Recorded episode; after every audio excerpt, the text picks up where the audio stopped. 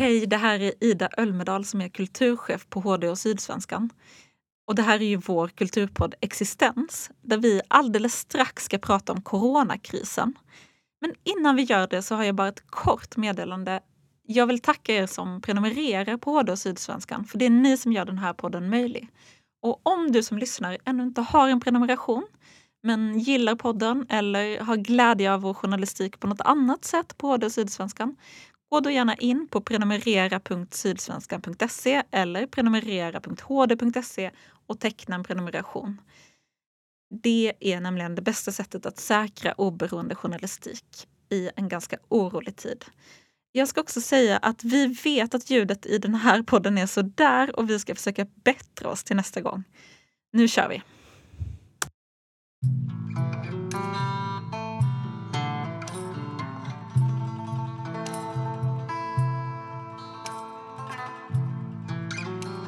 Det här är podden Existens med mig Isabelle Ståhl som är idéhistoriker och författare. Och med mig Ida Ölmedal som är kulturchef på HD och Sydsvenskan. Och idag ska vi prata om corona och eh, lite om boken Pesten av Albert Camus. Och vi är också i eh, karantän. Eller vi var sin, eh, vi var sin mick. Du är i Stockholm och jag är i Malmö. Ja, hur mår du i coronaveckan? Jag mår eh, sådär. Nej, men egentligen mår jag ganska eh, bra. Eh, jag mår ofta bra när det liksom, eh, man kan eh, dras med i någonting eller så. Ja. Det känns meningsfullt att jobba på en tidningsredaktion. Det Ja. känns också väldigt utmattande. Ja, jag förstår det. Hur mår du? Jo, men jag mår väldigt bra i undantagstillstånd och väldigt mycket av det som tidigare innan corona stressade mig har försvunnit. Eh, jag har ingen FOMO. Det händer ingenting. Ehm, om man känner att man inte riktigt orkar göra någonting så är det bara att säga att man har hostat så eh, behöver man inte komma.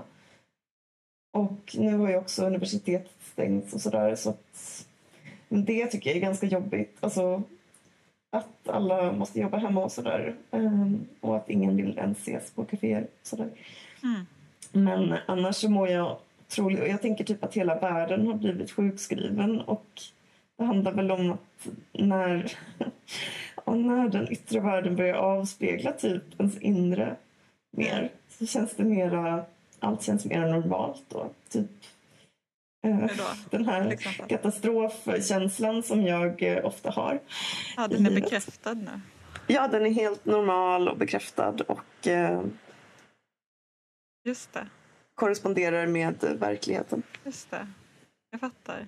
Eh, och eh, ja, men alltså allting dåligt som vi håller på med och som gör att vi verkligen bokstavligen går mot undergång har vi slutat med nu. Typ flyget och konsumtion. Och så min kompis var igår på H&M och hon skulle betala och då så stod hon i kassan och expediten sa Vad ska du göra? Typ, det är som att det är som att Um... men det är väl också lite som på sommaren fast då minus resorna. Um, ehm, och det är så otroligt fridfullt på tunnelbanan. Jag har ju ofta ångest på tunnelbanan. Uh, har växt för varje år. Men den typ är försvunnen och jag inser väl att det här, det verkar som att det har att göra med, alltså delvis att det inte är så mycket folk där. Men det är väl den allmänna känslan av att ingen är på väg någonstans. Mm. Och att ingen em, är uppslukad av någonting. Alla... Ja, men den där känslan av att alla andra gör någonting viktigt.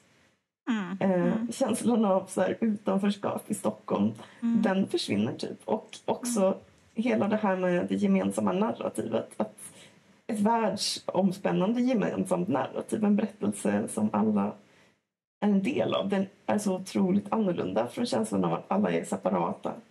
Just det. Eh, precis, okej jag har omvänd upplevelse men det är för att jag bor i Malmö. Jag tänker att jag flyttade till Malmö för att slippa exakt det här livet som är att alla går till jobbet, sen går de hem till sin lilla bubbla och stänger in sig och är rädda för att röra vid varandra. Ja, Ehm, alltså bara, och jag har också tänkt på, för att jag har många kollegor som är kanske 20-30 år äldre och att ja. de nu upplever hur många unga människor lever och att de blir totalt deprimerade på en kvart. att de bara, what? Eh, typ, eh, man måste prata med varandra över internet. man kan inte bara gå till en bar. Just det. Eh, typ, eh, men någonting med att unga människor är mer vana vid det här digitala den digitala ja. sociala ja. eh, ersättningen eh, ja. för ett riktigt liv. Det tror jag också. Och det deppiga med det var att jag hade försökt fly den genom att flytta till Malmö men nu så är jag liksom tillbaka i den. Ja, men jag är jättesur ja. på det. Alltså, mm. Att man eh, måste bli så digital för att man vill ju att undergången ska göra att man går tillbaka till medeltiden då man sitter och, ja men som under pesten och de isolerade sig med musikspel och så. Mm. Ja, ja, precis i, eh, som i Det Camarone. Exakt. Exakt. Eh, vi har en text om det av Eskil Fagerström om man vill läsa om 1300-talets överlevnadstips från pestens tid. Okej. Okay. Ja, men vad... Vilket bra, bra köp av dig. men vi ska ju prata om en annan bok eh, om pesten. Mm, av Camus bok Pesten. Um, som, eh, den skrevs direkt efter, eller under kriget. Den kom ut 1947. Mm. Så den brukar läsas som en allegori över eh, liksom undantagstillståndet under kriget. Det man kan säga om om pesten är att den, eh, den har sålt enormt mycket i Frankrike just nu och i Italien så ligger den, har den legat på tredje plats på listorna eh, på en av de stora nätbokhandlarna till exempel. Jag var faktiskt också eh, i Lund och frågade på bokhandeln, Akademibokhandeln, den stora vid Stortorget där och även där hade den sålt. Just det.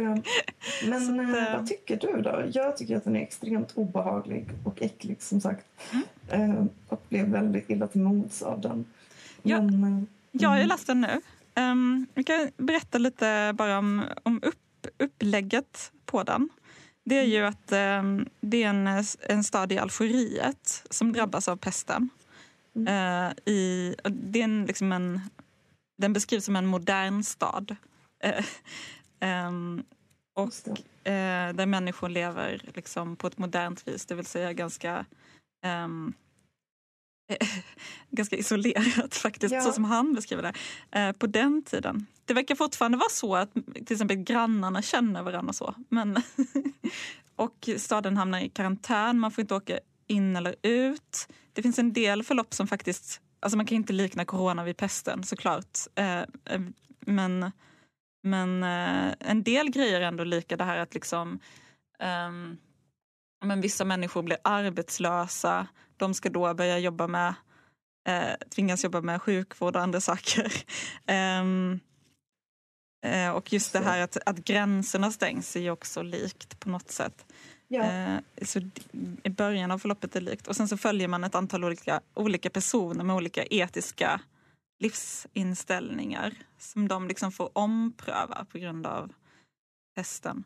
Bland annat en eh, journalist som bara är i staden som korrespondent och som då i likhet med många andra blir avskild från sin älskade så han vill ta sig ut. Mm. Och han hävdar också ett tag att skillnaden mellan honom och de andra är att han har någonting att leva för och det är därför han liksom fortfarande kämpar på för att ta sig ut. Och, eh, och istället för att eh, börja jobba med hjälparbete. Så huvudpersonen är en läkare som liksom har, väl har inställningen att eh, det är meningsfullt i sig att minska lidande. Kan man beskriva mm. det så ungefär? Mm. Eh, och en präst som i början har, eh, håller predikan om att det här är straffet, Guds straff mot ja, befolkningen. Men sen konfronteras med ett barn som dör och måste liksom, och då försöker mode, liksom, eh, modellera om sin tro till att, ja, men, att vara troende är då att acceptera att det som inte går att förstå, till och med det onda som är ett barns död, för det är ju inte någonting som barnet kan dra på sig själv. Liksom, till exempel. Ja, just det. Så pesten förändrar liksom hela livshorisonten egentligen. Alltså, Ja. Det finns ju vissa som har hävdat i Sverige typ ehm, en idén som sa att den här händelsen är den som kommer att definiera hela vår tid och vår generation, alltså corona. Ehm, Tror du det? jag tror inte det. Ehm, för att det inte, har sam- det är inte sant, eller det har inte samma... Däremot så tror jag absolut att det är en disruptiv händelse som bryter in och som absolut förändrar. Jag tänker på en sån sak som jag har liksom börjat titta jättemycket på gamla minnen och så här bilder från typ fyra år sedan och det känns som en helt annan tid och det gjorde det kanske också innan för att ja, åren går så fort och man förändras och sådär. Men nu känns det på något sätt ännu mer som en helt annan tid och det blir väl så tydligt. Kanske för att i den här i, i karantänens stillhet och i liksom det helt nya samhälle man ser nu så känns det som en... Ja, kommer du ihåg då när vi eh, gick på karaoke? Typ. Eller det var så här, Det blir någonting så radikalt ann- annorlunda och att det också ger liksom en impuls att på något sätt man får tid att blicka tillbaka och, och så. Ehm, Men, mm, men jag tycker fortfarande inte att det är inte jämförbart eftersom, som jag sa, alltså pestens eh, verkningar är så eh, mycket mer ohållbara och drabbar alla. Och, Bland Så- annat drabbar den ju, alltså eh, i, i boken men också i verkligheten drabbar den ju barn. Eller Ja. liksom unga människor som ja, får stora bölder och dör i stora plågor. Eh, ja, avskilda från sina föräldrar. Det är ju liksom en, ehm, en annan situation. Men Ja, eh, verkligen. Och liksom när man jämför med alla som har det exakt så här fast mycket, mycket värre hela tiden på hela jorden. mm, Eh, typ, jag följer en psykoterapeut på Instagram som eh, är uppvuxen i Indien och som liksom jämför med hur, hur det här undantagstillståndet var liksom norm hela hennes uppväxt. och så. Hon bor i USA nu. Men eh, ja, som en reminder liksom. Om att allting fortfarande är extremt välfungerande och det är ju liksom inte bombningar på torget och eh, vattenbrist. Så, Nej. nej. Samtidigt om man skulle se det så här, hur påverkar närvaron av döden? Alltså Ja. det att man inser att man är dödlig. På, för jag tänker att det är det som den boken liksom undersöker på något sätt. Det är väl också ett...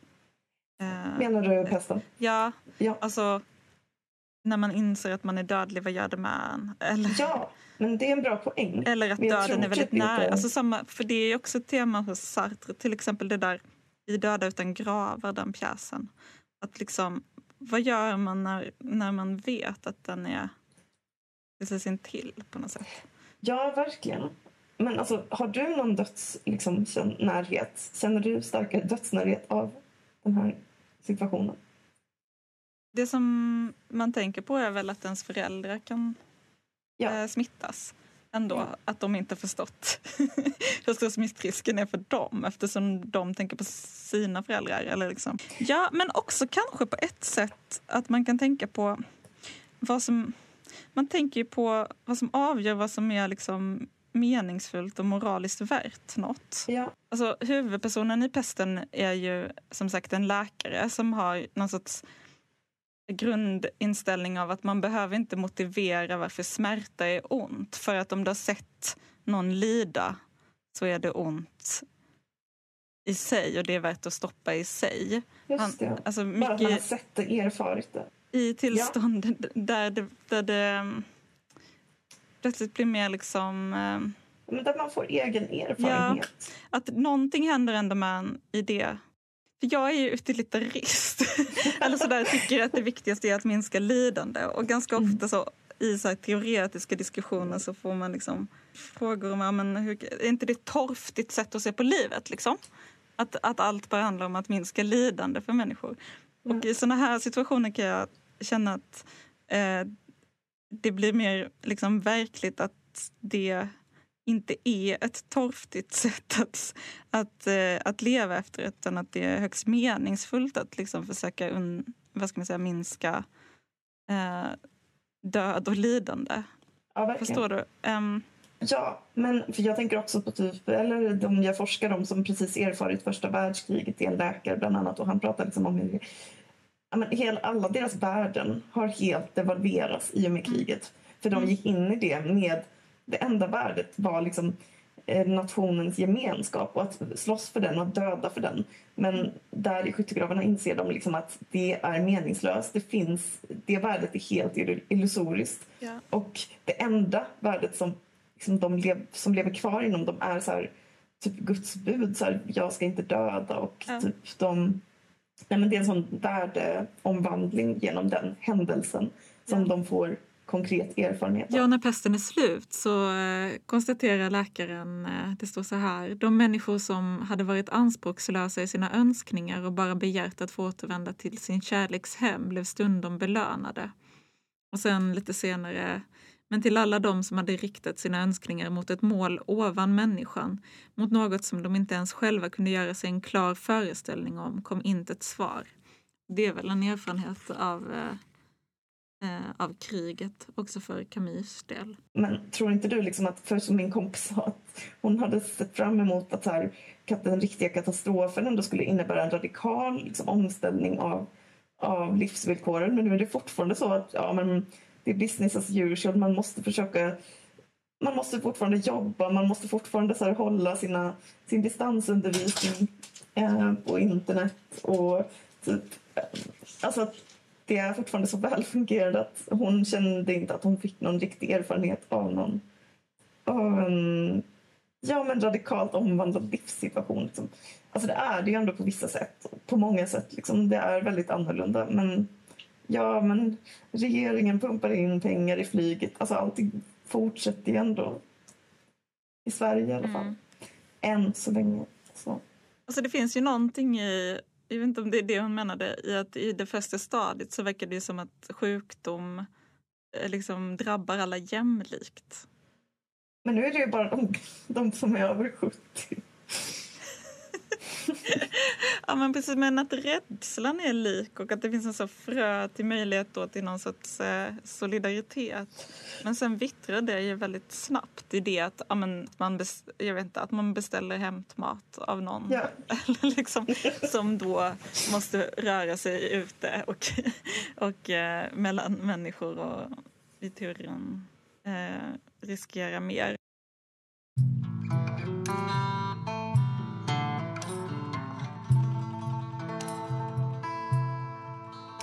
Men min bror skriver ju en uppsats om katastrofberedskap.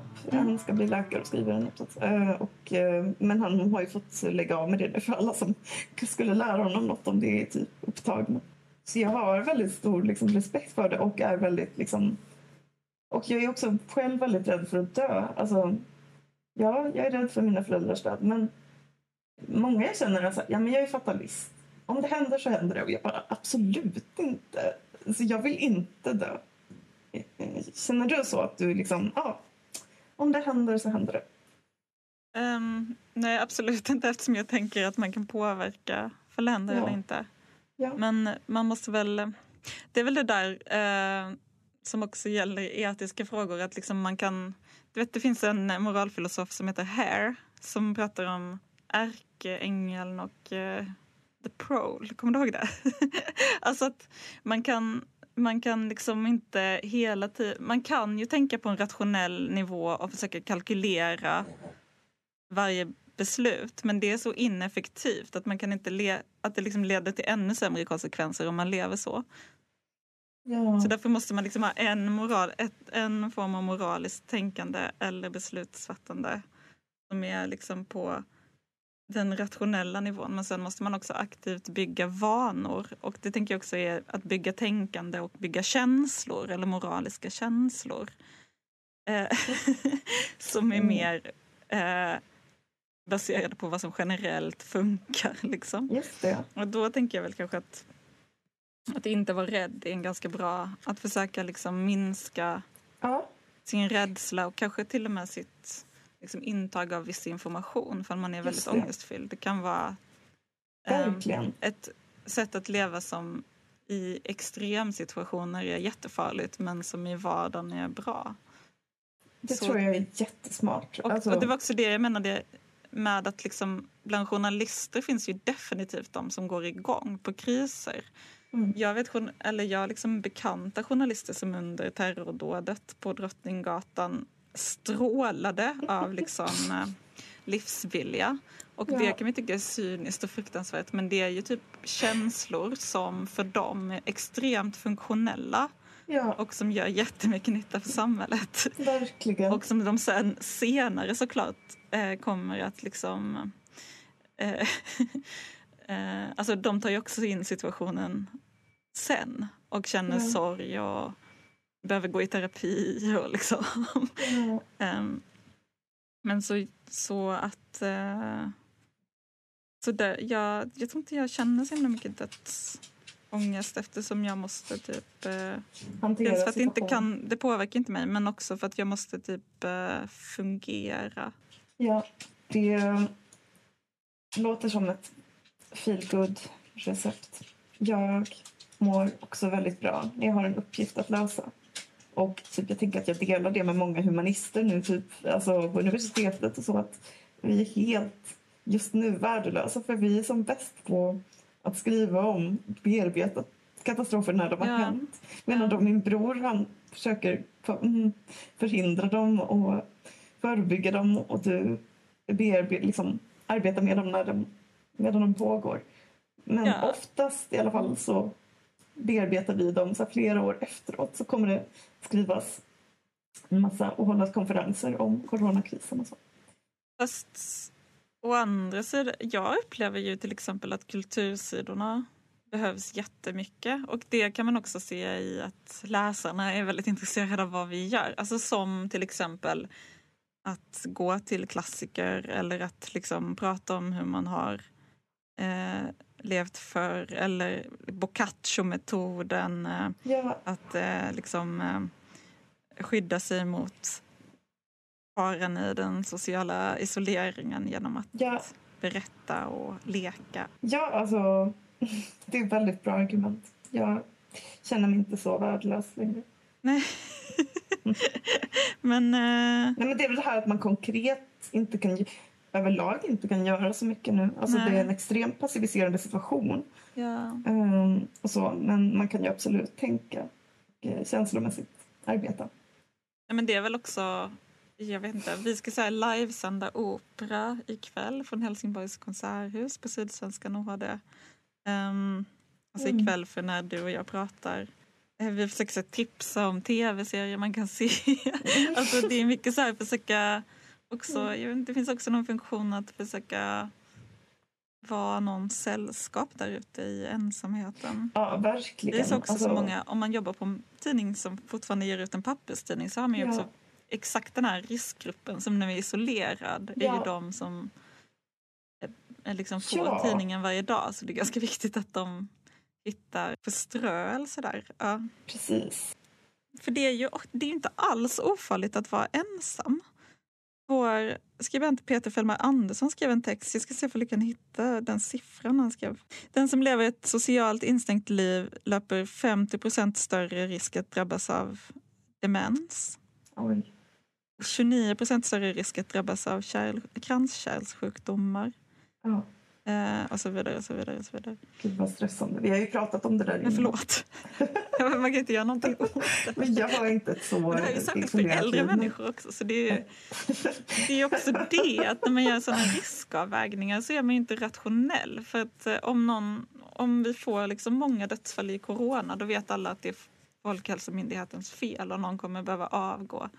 Just det. massa dör av liksom ensamhetsrelaterade sjukdomar det kommer ju aldrig någon få avgå för. Nej, det är sant. Um, jag tänker typ på sikt kommer vi, det här året bli... Det är perfekt för mig att skriva klart min avhandling. Och typ i förrgår så öppnade jag min fysiska dagbok för första gången på flera år. Fick genast liksom ångest över att jag inte har rört den på flera år. Att jag bara har skrivit typ för offentlighet eller för Instagram och um, så. Men och då började jag liksom bekanta mig med min så här inre skrivna röst som inte ska läsas av någon. Och det hade inte hänt utan den här situationen. Liksom. Så jag tänker typ att jag kommer försöka göra sådana saker nu och typ eh, mjölka den här situationen. Alltså använda världens sjukskrivning. Det är ju som, precis som du har pratat om att du vill få lov att vara eh, liksom isolera dig. Ja, utan att det ses som någonting patologiskt och sjukt. Eller typ, Ja. För det är rent nödvändigt om man ska skriva och sådana Ja. saker. Ehm, Men just nu så är det verkligen extremt befogat att leva så. Mm. Ehm, Det är sant. Mm. Mycket av det vi pratat om senaste halvåret blir så förverkligat nu. Det, det som vi har pratat om är så, så problematiskt att isolera sig och isolera sig som kvinna, att inte vara ute på dejtingmarknaden och så här. Ja, Just det. Det är nu helt efterfrågat och begärt av staten, av det ja, svenska samhället och ja. kungen. Och Jag tycker det är sym- symboliskt att det här också är året då Blondinbella typ drar sig tillbaka från offentligheten. För att hon är en sån symbol för individens privatlyxliv och privatjet och flyga och röra sig överallt och entreprenöra sig. Men är det inte också så att Blondinbella har börjat ehm, läsa lite roliga Hon har börjat läsa böcker, jo! Ja, men jag tror att hon la ut så att Jag hon vet, läste hon just läser typ- existentialisterna av Sarah eller- Och eh, Simone Weil och så. jag- Weil. Simone Alltså jag tycker det låter helt osannolikt, men okej, hon läser Simone Weil. Uh, ja, det var en lång lista på typ Katarina Frostenson och sådär.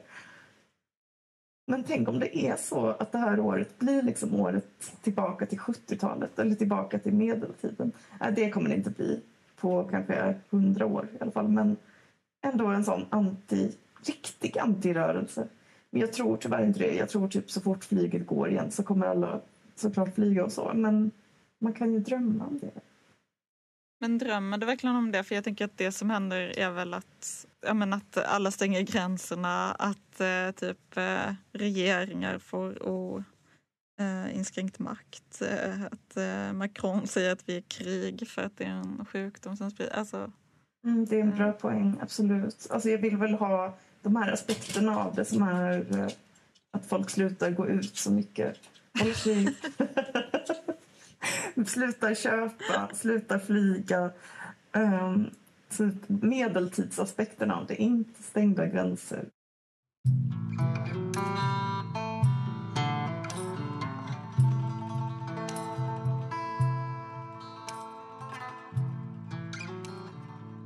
det finns ju också något tvetydigt i begreppet individualism. Individualism är ju inte, behöver inte vara liksom egen nytta. Det kan vara insikten om att liksom moralen börjar i, i en subjektiv eh, känsla. Det finns liksom inget större enhet. Utgångspunkten är individens lidande. Eller, man behöver inte säga att lycka och lidande är det enda viktiga men utgångspunkten är i individen. Och i ett kännande subjekt. Liksom. Det är Ja, det, det- som är att ta hänsyn till. Det Ja. är individualismens botten. Ja, men det kommer ju ofta bort kanske. Din, vad ska man säga, var kommer det här ifrån? Är det från liksom Det, det är jag som säger det. Jo, men det är väl typ, du är ju typ upplysningsfilosof. Nej, men jag tänker att ja, det kommer, sagt, det kommer ju från upplysningen men om det jag tänkte på nu var att det också är insikten i att det är existentialismens insikt. Och det tycker jag också är eh, insikten i, i berättarjagets insikt i, eller liksom i pesten, eller det är det som är det etiska. Liksom. Att även om man måste jobba med abstrakta tal och ställa människoliv mot varandra så finns det ju ändå någonting som man inte får tappa bort i att, i att, eh, i att liksom det, finns, det finns ingen annan enhet än det enskilda människolivet. Fattar du? Ja. Det finns något heligt med det. Det innebär också att varje person ändå har rätt till någon sorts val. Som att den här läkaren då säger till journalisten att han inte kan döma honom för han försöker fly stan istället för att hjälpa till för att komma till, den han, till sin flickvän. Då. Ja, det är intressant. Det står ju liksom lite i motsats till så här, situationen nu och det är liksom värdet man pratar om nu. Att det är att tänka på eh, kollektivet typ, istället för... Man kan tänka på kollektivet men man kan aldrig utgå från att man har total information. Och enda sättet att förhålla sig till det är ju att ändå låta eh, enskilda människor behålla ett val eller behålla ett handlingsutrymme själva. Just det. Det är det som är argumentet mot liksom det helt totalitära. Att det finns aldrig någon som liksom kommer ha all information nog för att välja åt alla. Liksom. Just det. Ja, men du lyfter ju fram hos en annan individualism än, än liksom blondinbella och senkapitalism, individualismen. Allt vad den kommit att behängas med liksom, som kanske inte kommer fram. Mm, alltså jag säger också individualism. Jag använder också ordet individualism på det sättet men jag bara tänker att det blir någon sorts, här, ibland kan det liksom bli någon sorts eh, fördumning av Alltså det, är så, det är så konstigt. Vem är det som argumenterar för etisk egoism? Alltså, liksom, det är inte så att det finns så himla många som vill ha ett samhällssystem där alla bara gynnar sig själva. Det blir som att man slåss mot en handdocka. Liksom. Ja. Sen, nu måste jag äh, ansluta till ett möte. Ja, gör det stackars dig. Ta det lugnt och ha det bra. Hej då.